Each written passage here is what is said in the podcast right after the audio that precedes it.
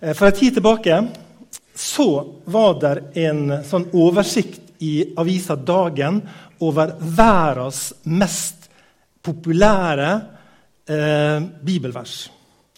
Eller betydningsfulle bibelvers. Jeg er ikke helt sikker på hvordan jeg fant ut av det, men det er kanskje det som folk deler på ulike sosiale medier på andre måter. Så liksom, hva er topp av topp?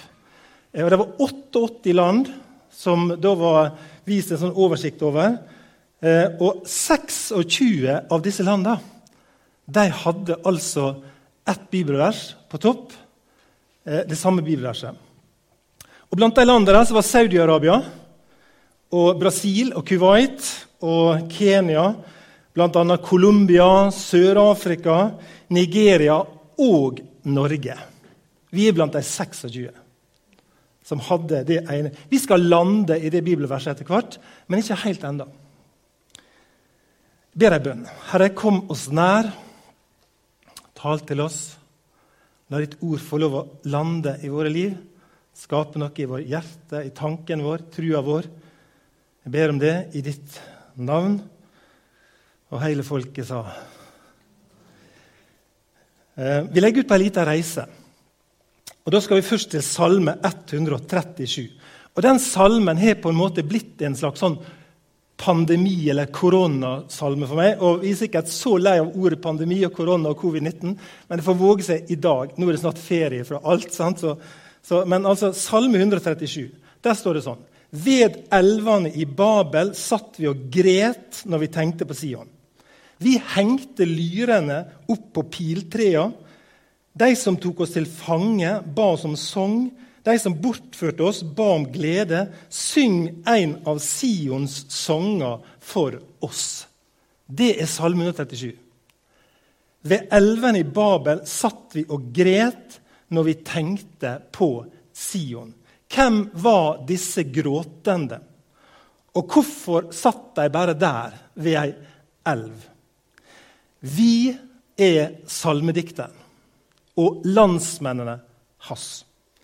Israelsfolket eller judafolket de sitter ved en elvebredd i eksil i Babylon. Og I 2. kongebok 24 så leser vi om dramatikken rundt det at Nebukadneser, som var kongen i Babel, tok Judalandet, tok Jerusalem og førte dem til, til Babel som fanger. Vi får vite at han og hans hær bortførte alle stormenn, står det, alle rikingene det vil si at alle vi har blitt med på det. forstår dere? Alle som i noen sine øyne betydde noe som helst. 10 000 fanger i alt, står det. Eh, og samtlige håndverkere. Er det noen håndverkere her? Du har blitt med på laget. Eh, er det noen smeder her? Smedene tok dem. Kanskje tok de smedene fordi de ikke skulle kunne lage våpen lenger. forstår dere? Jeg vet ikke, jeg bare tipper. Eh, men de bortførte alle, og alle var dyktige krigere, står det. Det er strategisk eh, bortføring av folket Juda til Babel av Nebukaneser. Og I samme avsnitt så står det at skattene som var i byen der, kongeborga i Jerusalem, gullet som var i tempelet, det brøt babylonerne synd ifra alt utstyr og tok det med seg, og bare de fattigste var igjen i landet. Er dere med? Og nå sitter de der, i Babel, bortført i eksil ved den mektige 2700 km lange elva Eufrat, som kom fra Tyrkia, og som slynger seg gjennom det sydøstlige Asia. Der sitter de by the rivers of Babylon, ei sideelv, og gråter alle sammen. Um, så får vi vite at de som hadde tatt dem til fange, de ville ha det til å synge. Syng en av Sions sanger for oss, sier de. Men på trea hang eh, harpene, lyrene deres, ustemte og ubrukte, og de ville altså ikke synge. Hør hvordan de reagerte på oppfordringa om sang og glede. I vers 4-6 står det i Salme 137.: Hvordan kan vi synge Herrens sanger på framand jord? Gløymer jeg deg, Jerusalem, så lat mi høyre hand bli gløymd. La tunga klistre seg til ganen om jeg ikke tenker på deg, om jeg ikke setter Jerusalem høyere enn min største glede. Folkens, det blir ingen sang. De vil ikke synge. De er bortført fra Sion. Sion, som vi sånn litt forenkla sagt kan si er et synonym for Jerusalem. Det var en sånn liten bergknaus utafor der, og i dag er det vel der Davidsbyen Jeg må se på Gunstein og spørre om det, men det er liksom en sånn liten bergknaus. Sions berge. Sions sanger. Det er liksom et litt sånn synonymt uttrykk med, med, det å tenke på Jerusalem. Hvorfor hadde de så stor sorg at de ikke ville synge? Hvorfor var de så lei seg? Hvorfor var det så djupt? Um, det korte svaret er at de hadde kjærlighetssorg. Og det, En del av dere har kjent på det. og Dere som ikke har kjent på det, Henriette Marie og disse gjengene. Dere vil, dere vil kjenne på det før eller seinere. Sorg over kjærlighet. Og det er det de har. De er så lei seg at jeg kjenner det bare dypt inni seg. Vi greier ikke å synge. For jeg hadde en sånn kjærlighet til Jerusalem. skjønner dere? Og Jeg tror det er vanskelig for oss å fatte det. Men for dem så var det en sånn kjærlighet at de var i djup, djup kjærlighetssorg over å være fysisk vekke fra Jerusalem. Hvorfor det? Jo, fordi det var der i Jerusalem tempelet sto. Det var der Gud møtte folket. Det var der Gud åpenbarte seg.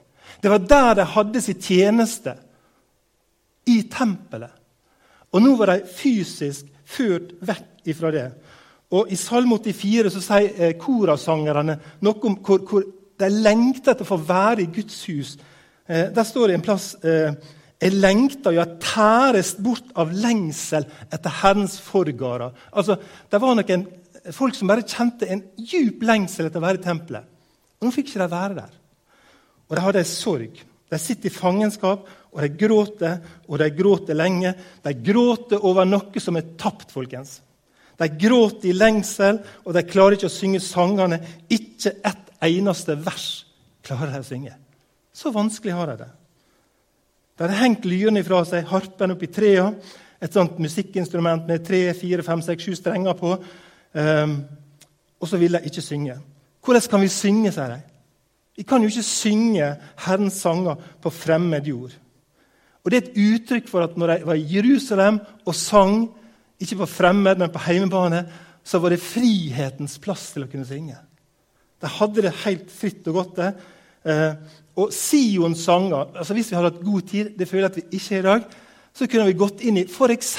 dere, Salme 46 til Salme 48 blir på en måte betegna som sånn Sions sanger. Og Hvis du går inn i teksten på de sangene og, og lurer på hva sang dere om da, på Sions berge. Hva, når liksom gitarene klimpra, hva var dere, hva var dere sang om? Jo, Da leser vi faktisk i Salme 46 og 48 at det, de sang f.eks.: Herren Sebaot er med oss. sang de. Jakobs Gud er vår faste borg. Det var Sions sanger. Og nå satt de der og kunne ikke synge de sangene. Eller de sang i, i vers 10 der i Salme 46.: Herren gir slutt på krig over hele jorda. Han bryter båga synd, høgg spydet av. Han setter eld på vogner. Det er klart De kunne ikke synge det nå. Det ble altfor vanskelig. Nå blir dette for krevende fordi de opplever det motsatte. Hvordan kan vi synge det? Det stemmer ikke med virkeligheten slik hun er. Bågene og pilene er vendt imot oss kjenner jeg på. Spyda sikter på oss, og det er deres vogner eller deres liv som brenner. Og I Salme 47 så står det 'Stor er Herren og verdig lov og pris' i vår Guds by, på Hans hellige fjell. Fagert og høgt, ei glede for jorda, er Sionsfjellet lengst i nord, den store kongens by. I byens borger gir Gud seg til kjenne, han er vårt vern. Hvordan kan vi synge det? Når vi sitter ved elven i Babel og gråter fordi vi er i eksil. Og vi kan ikke synge om et vern og at Gud gir seg til kjenne når han ikke gir seg til kjenne. Og han ikke er et vern. Fordi de ble plaga av de babylonske lederne og, og krigerne, eller de som passer på dem. Det passer ikke å synge slike sanger nå. De var der i Babel mot sin vilje. Klarer du å tenke den tanken? Har en oppleving av å være en plass uten at du vil det. De hadde ikke et ønske om det, de hadde ikke bedt om det. De ville stå på et fjell, de ville synge sanger. Nå satt de ved ei elv og gråt. Fange, bortført. Og i deres øyne var det noen andre som var skyld i at de var der. Kan du kjenne deg litt igjen i det? De satt der litt deprimerte, faktisk. Ehm, de hadde alle kjennetegn på å være deprimerte. De tenkte mørke tanker om livet sitt og framtida. De hadde gitt litt opp livet. De var uten tiltak. Og de satt der til og med med hevntanker. Dette her er en utrolig sterk tekst og historie. De satt med hevntanker over Edoms sønner, edomittene, som de er kalt. Fordi edomittene heia på Nebukaneser og krigerne. Riv ned murene, knus Jerusalem. Så De hadde noen hevntanker som jeg ikke har lyst til å lese høyt en gang fra Salme 137, der de sier noe om hva slags hevn de kunne tenke seg. Fordi edomittene gleda seg med Nebukaneser når han tok Jerusalem. Les om det i Esekel 35 hvis du har lyst til å lese litt mer om det. De lengter tilbake, dere. Kjenner vi på det? Er det, er det litt sånn gjenkjenning? Det, enten det nå er pandemi, eller kanskje det er liv ellers. De lengter litt tilbake. De satt ved ei elv i et fremmed land og gråt. De hadde en tanke, og de hadde én drøm, og det var å komme tilbake til Jerusalem. Tilbake til normalen. Det var det de drømte om. Hva er ditt Babel? Hva er ditt Babel? Kjenner du igjen landskapet? Sitter du, Hører du lyden av ei eller anna elv som sirkler i ditt liv og renner forbi?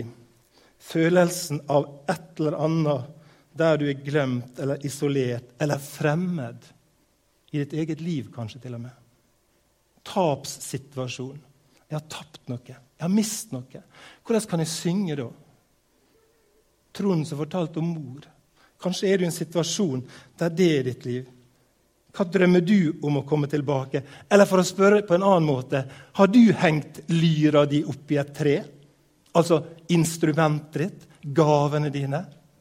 Har du slutta å tjene, slutta å gjøre noe av en eller annen grunn? Hva er det? Ser dere situasjonen? Kanskje ikke så ulik en del av det vi kjenner på i våre liv. Og så kommer det et vendepunkt. dere. Jeg har lyst til å forkynne et vendepunkt. For det kommer et vendepunkt. Eh, det snudde for folket som var i eksil, og det starta med at postmann Pett kom på besøk. Det kom en postmann. Det kom et brev fra Jerusalem og til Babel. Og Brevet av datidas postmann Petter var Elasa, som var, var sønnen til Shafan og Gemaria. Ikke så veldig interessant, vel? Det er det det står i Bibelen, da. Ja, ja. Han var postmann Pett. Han kom med et brev. Og nå skal dere få høre litt om brevet sitt innhold. Er dere spent på det? Brevet sitt innhold. Til det folket som satt der, så kom det et brev fra Jerusalem. Og når brevet ble rulla ut foran en gråtende og sørgende publikum, så blir det innleda med Jeremia kapittel 29, vers 4-7. Så sier Herren over herskarene, Israels Gud, til alle som jeg har ført i eksil fra Jerusalem til Babel så kommer budskapet. Bygg dykk hus og bu i dem. Planta dykk hager og et frukta. Ta dykk koner og få sønner og døtre. Ta kone til sønnene dykkar og gift bort døtrene dykkar, så de får sønner og døtre. Der skal det bli flere, ikke færre. Det skal fremme fred for den byen jeg har ført dere til i eksil, og det skal be til Herren for han, for når han har fred, har det òg fred. Det er brevets budskap. Eh, håpet er tent. Håpet er tent. Det har skjedd et eller annet, men innholdet er kanskje ikke helt det de hadde håpa på. Er dere på det? De har fått et budskap om noe, de har fått et brev. Jeg skulle jo gjerne hørt at det, det sto 'Nå henter jeg dere hjem'. Det er budskapet. Nå er det over. Alt blir bra. Men det var ikke sånn. Det var ikke sånn. Det var ikke det som var budskapet. Men de måtte belage seg på å bli dere. De måtte belage seg på å slå røtter. Jeg kjenner at det er utfordrende i livet, det er utfordrende ved Babels elver. Det er utfordrende å tenke jeg må faktisk forsone meg med noe i livet som Jeg, jeg veit ikke helt når det går over. Jeg vet ikke det. Og det er ærlighetsteologi på øverste nivå. dere. Å kunne si til hverandre noen ganger må vi belage oss på Det er ikke sikkert det er så lett svar på ting. Det kan hende du må leve med smerte. Det kan hende du må sitte ved elvene. Det kan hende at elva blir fylt av dine litt sånne salte tårer i flere år. Jeg veit ikke det. Det er det de må belage seg på. At de må være der litt til. Og Gud gir lyd ifra seg til dem. Men det er en annen lyd enn det jeg skulle ønske det var. Og der er en tid for å sørge, der er en tid for å gråte. Men hør, det kan og det skal aldri stanse der. Det er ikke det.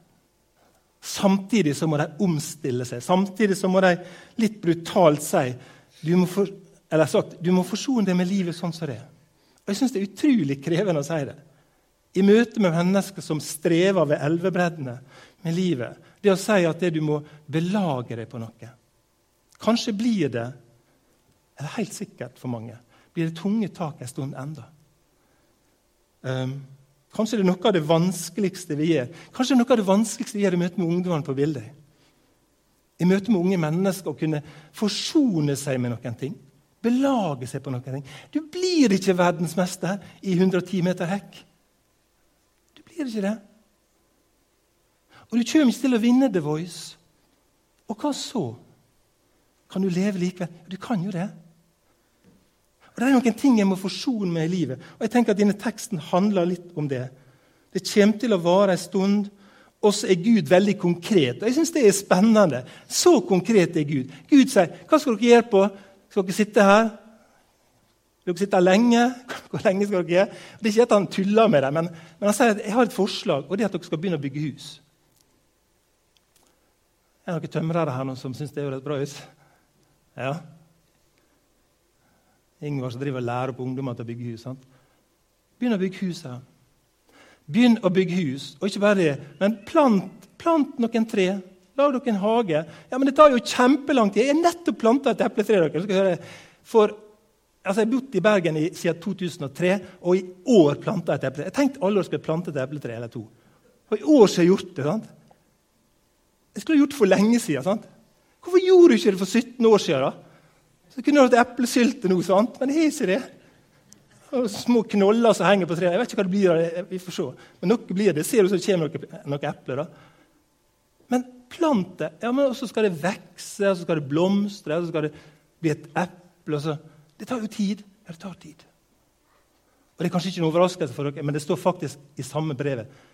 Det går 70 år enda. Jeg tenkte jeg skulle ikke røpe det for dere, men, men det går 70 år. Så lang tid. Det blir mange epletre. Og det blir mange unger på 70 år. Tar dere kone og får barn. Um, Plant dere hager, sier Gud. Han har et forslag. å be om fred, sier han. I stedet for å sitte her, så skal dere reise dere og be om fred for den plassen du er på. Den byen du er på. Det du kjenner som er så krevende, kanskje. Så utfordrende. Be om fred, sier Gud, eh, for den byen og den plassen der vi er på. Så jeg er nødt til jeg vet ikke, kanskje strenge tida mi, jeg er nødt til å ta med en liten advarsel. som kommer der. For Det ble en sånn, liten sånn åpenbaring nå i vika når jeg satt og, og, og las på dette her igjen. da. Eh, det er en advarsel. Eh, så sier Herren, herskarenes Gud, Israels Gud, la dere ikke narre av profetene og spåmannene som er hos dere, og hør ikke på drømmene dere drømmer. For de profeterer løgn for dere i mitt navn. Jeg har ikke sendt dem, sier Herren. Ok, følg med her. Mens de satt der ved elven i Babel, så var det noen profeter, noen løgnprofeter som fortalte dem løgn. De fortalte dem ting som ikke var sant, og til og med i Guds navn. så det. Kjempeskummelt. Og de ble til og med advart mot å tro på drøm, sine egne drømmer. faktisk. Og tenk, Dette er jo utrolig sterkt. Fordi er ikke det sånn liv er? da? Vi hører løgnprofeter som taler ting inn i våre liv som ikke er sant. Og vi kan tenke tanker sjøl som ikke er sanne. Det er ikke Guds tanker. Og vi kan tenke tanker om eh, at ja, jeg er ikke verdt nok, eller vi er stadig mottagelige for falske tanker og røster inn i vårt liv. Igjen, da skal ikke referere mer til bildet, men det er det vi snakker med ungdommene om. Løgnprofetene inn i ditt haud, i din tanke, som gjør at du går rundt og kjenner deg verdiløs, mindre verdt. Og så sier Gud det det var i Babel. For 2600 år siden så var det løgnprofeter. Og de, de lever i beste velgående rundt oss. Og mange som forteller oss ting, ikke nødvendigvis i Jesu navn, men oss sjøl kan tenke Kanskje er vi vår største løgnprofet når vi sjøl forteller oss ting og tang som ikke Gud tenker om våre liv. Som ikke Gud har sagt om våre liv. Og Vi gir til og med Gud til en løgn der innimellom. Og Det kan ikke vi snakke om her nå, men dette her um, er Det noe å tenke mer på, da. Um, og det er nå, folkens. Dere venter lenge nok, ikke dere? Hva var dette bibelverset? Har glemt det? Nei, jeg har ikke glemt det. Jeg har ikke glemt det. Det her bibelverset som er mest populært i 26 av 88 land kommer inn, det er til mennesket. Og hør. Det er til mennesker som gråter over å være en annen plass enn de lengter etter. Det er til mennesker som ikke orker å synge glade sanger, for livet er for strevsomt akkurat nå. Dette er et bibelvers til mennesker som har hengt ifra seg musikkinstrument og ulike ferdigheter og nådegaver og utrustning opp i et tre. Dette er adressert til deg. Det er til deg som ufrivillig er på en plass eller en situasjon du ikke har bedt om. Det er til og med et ord til deg som sitter med negative hevntanker over andre som du mener har skyld i at du er der du er. Dette ordet blir kviska til deg. Og det er et ord til deg som sitter med løgntanker som du har hørt eller konstruert i ditt eget haud om verdi eller framtid. Det er her, folkens, Jeremia 29, 11 blir talt. For jeg veit, for jeg veit, sier Gud, inni ditt liv. Jeg veit hva tanker jeg har for dykk, sier Herren. Fredstanker og ikke ulykketanker. Jeg vil gi deg framtid, håp. Et profetisk ord inn i slitne mennesker sitt liv. Framtid og håp, uavhengig av hva elva heter. Det er riktignok et perspektiv på 70 år og jeg kan ikke si til deg, jeg kan ikke love i Guds navn at det skal ta så eller så lang tid, men jeg kan si det er alltid håp. Alltid håp. Og ikke et falskt håp, for han vi håper på, han vi tror på, har sagt 'Jeg vil gi deg framtid, og jeg vil gi deg håp'. Når det kaller på meg og kommer for å be til meg, vil jeg høre på dykk. Dette er fra Gud. Det skal søke meg, og det skal finne meg. Når det søker meg av et helt hjerte, lar jeg finne meg, sier Herren. Så vil jeg vende lagnaden for dykk og samle dykk fra alle folkeslag og stader som jeg har drevet dykk bort til, sier Herren. Jeg skal føre dykk til den staden jeg førte dykk bort fra i eksil. Det er dagens budskap om håp. Um, der er framtid uansett. Herre, jeg takker deg for ditt ord. Jeg ber om at det som um, jeg har tenkt litt på nå, kan få lov å skape noe godt i våre liv. Kanskje noen skal røyse seg og begynne å bygge noe. Kanskje noen skal plukke ned instrumentet fra, fra et tre. Kanskje noen skal gi noe nytt, Herre. Og til alle så sier du det er framtid og håp. Uansett. Hjelp oss til å leve med hverandre, støtte hverandre, gi håp til hverandre, inntil den store dagen kommer. Når du tar oss til ditt Jerusalem, til det nye Jerusalem, der vi skal lovsynge deg av et helt og rent hjerte for evig. Amen.